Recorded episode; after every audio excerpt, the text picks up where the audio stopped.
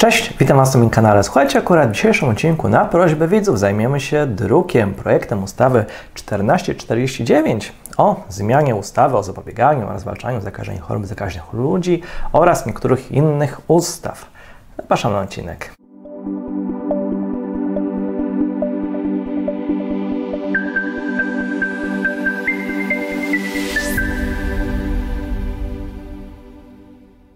No proszę Państwa, generalnie zajmujemy się właśnie, tak jak powiedziałem, tym drukiem na prośbę widzów. No i tak już mówiąc, największe powody do zaniepokojenia tym drukiem mają firmy farmaceutyczne oraz hurtownie leków ze względu na obowiązkowe wpłaty na Fundusz Kompensacyjny Szczepień Ochronnych.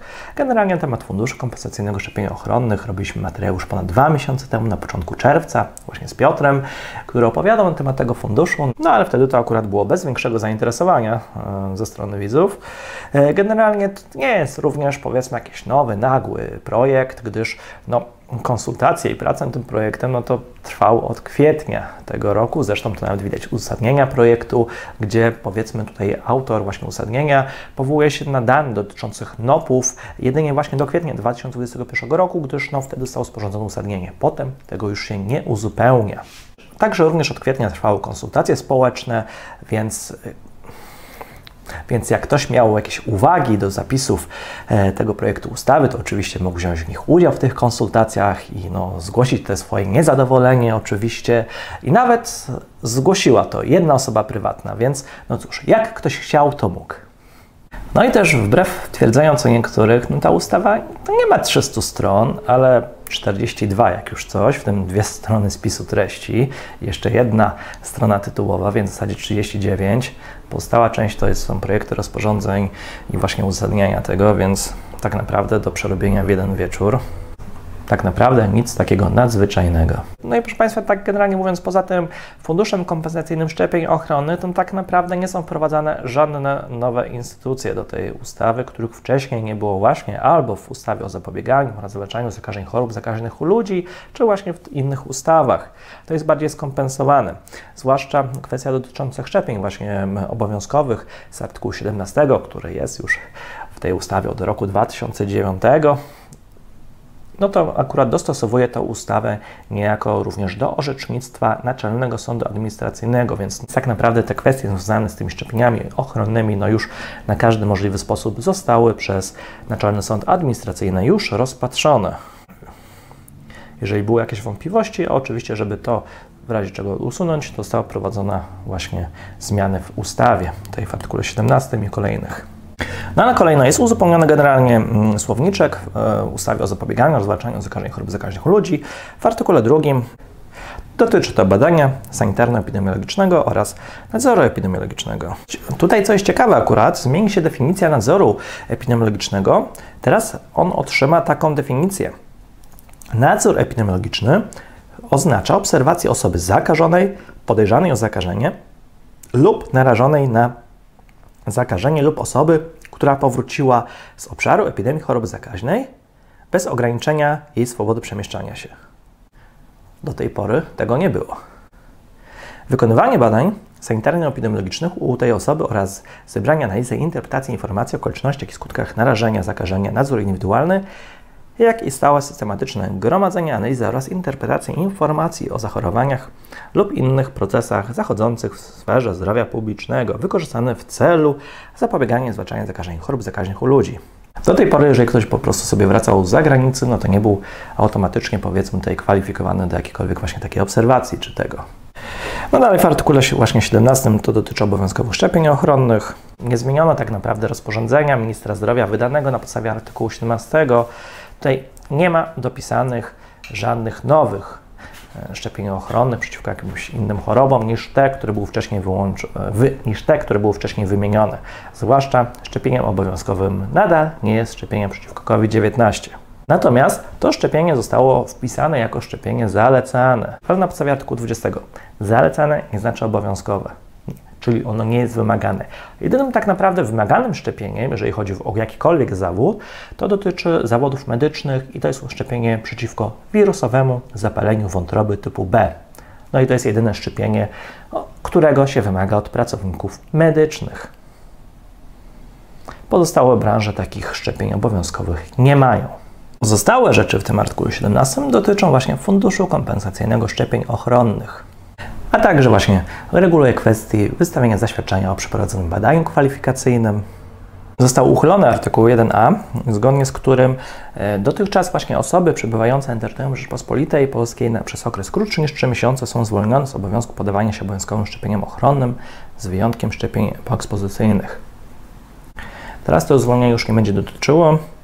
Generalnie z uzasadnienia właśnie to ponoć właśnie dotyczy osób, które przebywają w ośrodkach imigrantów. Dalsze właśnie kwestie regulują mm, kwestie związane z zaświadczeniem obowiązkowych szczepieniach, a także kwestie związane z przekazywaniem danych przez właśnie lekarzy rodzinnych do sanepidu. Tym z tym, że wcześniej takie dane również były przekazywane, ale na podstawie wytycznych i zaleceń właśnie głównego inspektora sanitarnego. No ale ktoś się w końcu zorientował, że jednak przekazywanie takich danych no to powinno być oparcie w przepisach właśnie rangi ustawowej. No teoretycznie właśnie na podstawie artykułu 8 ustawy o Państwowej Inspekcji Sanitarnej właśnie taki prezes GIS-u może wydawać powiedzmy takie zalecenia, czy właśnie które są jakby obowiązującej na terenie obszaru Rzeczypospolitej Polskiej, natomiast generalnie takie zalecenia to jest tak naprawdę na gębę, one nigdzie nie były publikowane w żadnym dzienniku ustaw, więc no, przetwarzanie takich danych no to budziło zastrzeżenia pewne, przynajmniej moje. Tutaj będzie uszczelniony akurat system, jeżeli chodzi właśnie o dzieci, które nie są podawane obowiązkowym szczepieniom. Tak jak powiedziałem wcześniej, takie dane były przekazywane e, do sanepidu na podstawie właśnie zaleceń Głównego Inspektora Sanitarnego. Właśnie w przypadku tutaj uchylania się tych e, szczepień obowiązkowych właśnie będzie stworzony specjalny rejestr, więc po prostu sanepid będzie mieć łatwiejsze narzędzie w celu powiedzmy nakładania na przykład kar administracyjnych w celu po prostu przymuszenia stawienia się do takiego badania kwalifikacyjnego lekarskiego. Dalej, no proszę Państwa, mamy tutaj związane z tymi świadczeniami kompensacyjnymi. Na szczęście nie ma tego, czego bawiliśmy się powiedzmy z Piotrem wcześniej. E, ten fundusz nie wyłącza odpowiedzialności Skarbu Państwa. Zawsze Skarb Państwa będzie można pozwać tutaj o odszkodowanie, jeżeli by wystąpiły jakieś NOPy. Ten fundusz kompensacyjny szczepień ochronnych ma być jakby w założeniu dodatkowym, powiedzmy funduszem dodatkowym właśnie sposobem na uzyskanie odszkodowania. Z tym, że jeżeli nawet ktoś właśnie zgłosi się do tego funduszu o wypłatę odszkodowania, to nie zamyka mu oczywiście drogi sądowej. Generalnie tutaj fundusz to jest jakby droga administracyjna i sąd administracyjny, a uzyskanie odszkodowania zawsze było domeną sądów cywilnych, sądów powszechnych. Więc tutaj nie ma niespodzianki. Generalnie może to być nawet korzystne dla niektórych osób, gdyż powiedzmy postępowanie właśnie w sprawie wpłaty tych środków, przyznania takiego odszkodowania za NOP e, jest powierzone Rzecznikowi Praw Pacjenta, sam fundusz generalnie będzie mieć ze Skarbu Państwa 50 milionów dotacji, ale to w ciągu 10 lat. Zresztą związane to było z uwagami Rzecznika Praw Pacjenta, że on nie zamierza tego finansować z własnego budżetu, więc chce mieć jakieś dotacje i plus generalnie z wpłat firm farmaceutycznych i producentów leków. To one będą na, ustalone na poziomie 1,5% od wartości takiego produktu. No i zresztą tutaj przedstawiciele takich firm najbardziej protestowali przeciwko takiemu funduszowi, bo gdyż dla nich to oznacza konkretne obciążenia finansowe. Właśnie sam wniosek o wypłatę takiego powiedzmy odszkodowania z tego funduszu e, kosztuje 200 zł. No nie jest to opłata mała, ale nie jest to też opłata jakaś skrajnie wysoka. No i plus dodając ewentualną powiedzmy odwołanie, skargę do sądu administracyjnego, jeżeli Rzecznik Praw Pacjenta nie przyznałby takiego odszkodowania z tego funduszu, no to drugie 200 zł, czyli mamy 400 zł łącznie. No i w przypadku co niektórych spraw to by się nad, e, być może opłacało, zwłaszcza Rzecznik Praw Pacjenta no też prowadzi tutaj postępowanie dowodowe, które można byłoby wykorzystać. No przykładowo, jeżeli ktoś by chciał pozwać właśnie Skarb Państwa, właśnie odszkodowanie za taki NOP, no to opłata sądowa z kości 400 zł by obejmowała takie roszczenie maksymalnie do kwoty 7500 zł. Tutaj teoretycznie można nawet 100 tysięcy, więc e, pod tym kątem e, takie postępowanie może być oczywiście opłacalne. Natomiast sprawa przed właśnie takim sądem cywilnym nie jest limitowana tak naprawdę żadną górną granicą w przeciwieństwie do tych funduszy. Tutaj górna granica z tego funduszu to jest 100 tysięcy złotych.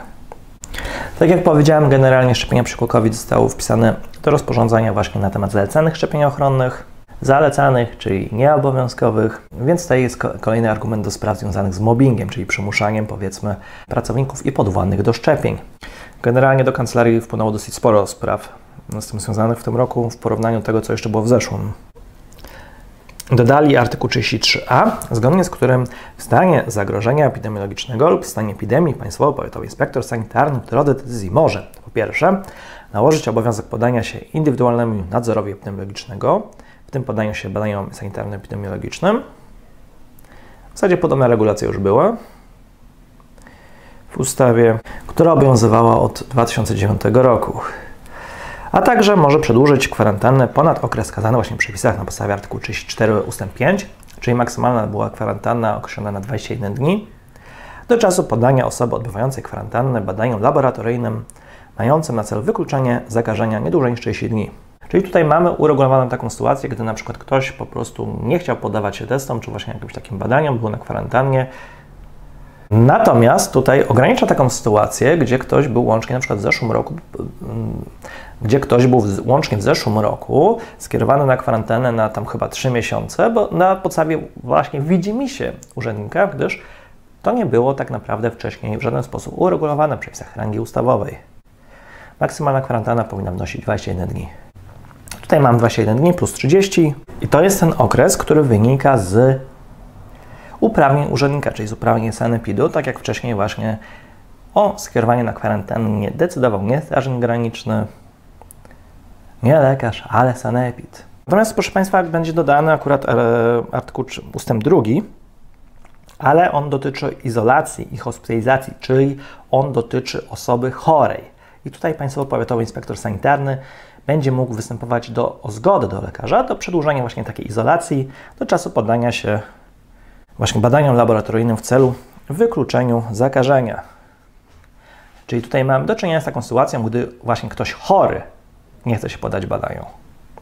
Natomiast, proszę Państwa, najbardziej będzie nas tutaj interesował ustęp trzeci, zgodnie z którym właśnie takie działania, właśnie w przypadku stanu wystąpienia epidemii, albo właśnie w przypadku stanu zagrożenia epidemiologicznego, wystarczyła, że przebywała na obszarze występowania takiej właśnie choroby lub w inny sposób była narażona na zakażenie. Czyli proszę Państwa, to co mam teraz, że kieruję po prostu jakby z automatu osoby, które przebywają za granicy, spoza strefy Schengen na tą kwarantannę to robią nielegalnie na podstawie przepisów rozporządzenia, to dopiero teraz w tym momencie będzie miało to oparcie przepisu właśnie rangi ustawowej to dopiero będzie dopiero legalne. Prawdopodobnie to wprowadzili, gdyż no, przesadziliśmy chyba co nieco z ilością wysyłanych wezwań do zapłaty związanych z odszkodowaniami za taką nielegalną kwarantannę. Więc e, po wprowadzeniu tego przepisu, powiedzmy, osoby, które były skierowane na kwarantannę po przekroczeniu granicy, no już nie będą mogły się starać o uzyskanie e, odszkodowania, gdyż powiedzmy takie działanie sanepidu będzie już miało oparcie w przepisach rangi ustawowej, no chyba, że oczywiście tutaj sanepid by popełnił jakieś błędy. Więc ten ustęp trzeci tak naprawdę ma na celu jedynie wyłączenie tej odpowiedzialności Skarbu Państwa z artykułu 417 Kodeksu Cywilnego, zgodnie z którym właśnie za działania lub zaniechania przy wykonywaniu władzy publicznej w sposób sprzeczny z prawem odpowiedzialność ponosił Skarb Państwa. Pozów o właśnie odszkodowanie i zadośćuczynienie za nielegalną kwarantannę. No i teraz, proszę Państwa, będzie też uszczelniona taka sytuacja, gdy po prostu osoby przybywające za granicę na przykład podawały nieprawdziwe informacje co do miejsca zamieszkania, czy tam, gdzie będą odbywały kwarantannę, do tej pory maksymalnie groziłoby im po prostu tutaj propozycja mandatu z tego dziurowego artykułu 116 paragraf 1a kodeksu wykroczeń. Teraz będzie również groziła to sankcja administracyjna, czyli kara pieniężna nakładana przez Sanepid w wysokości od 5 do 30 tysięcy złotych. Więc w ten sposób ta dziura będzie załatana. Ale także podobna kara będzie groziła, powiedzmy, osobom, tutaj mówimy o przychodniom i tak dalej, które nie będą raportowały takich przypadków od 5 do 30 tysięcy złotych. Dalej, projekt tej ustawy reguluje kwestie związane z kierowaniem do szpitala psychiatrycznego, natomiast no to zasady są takie same jak do tej pory.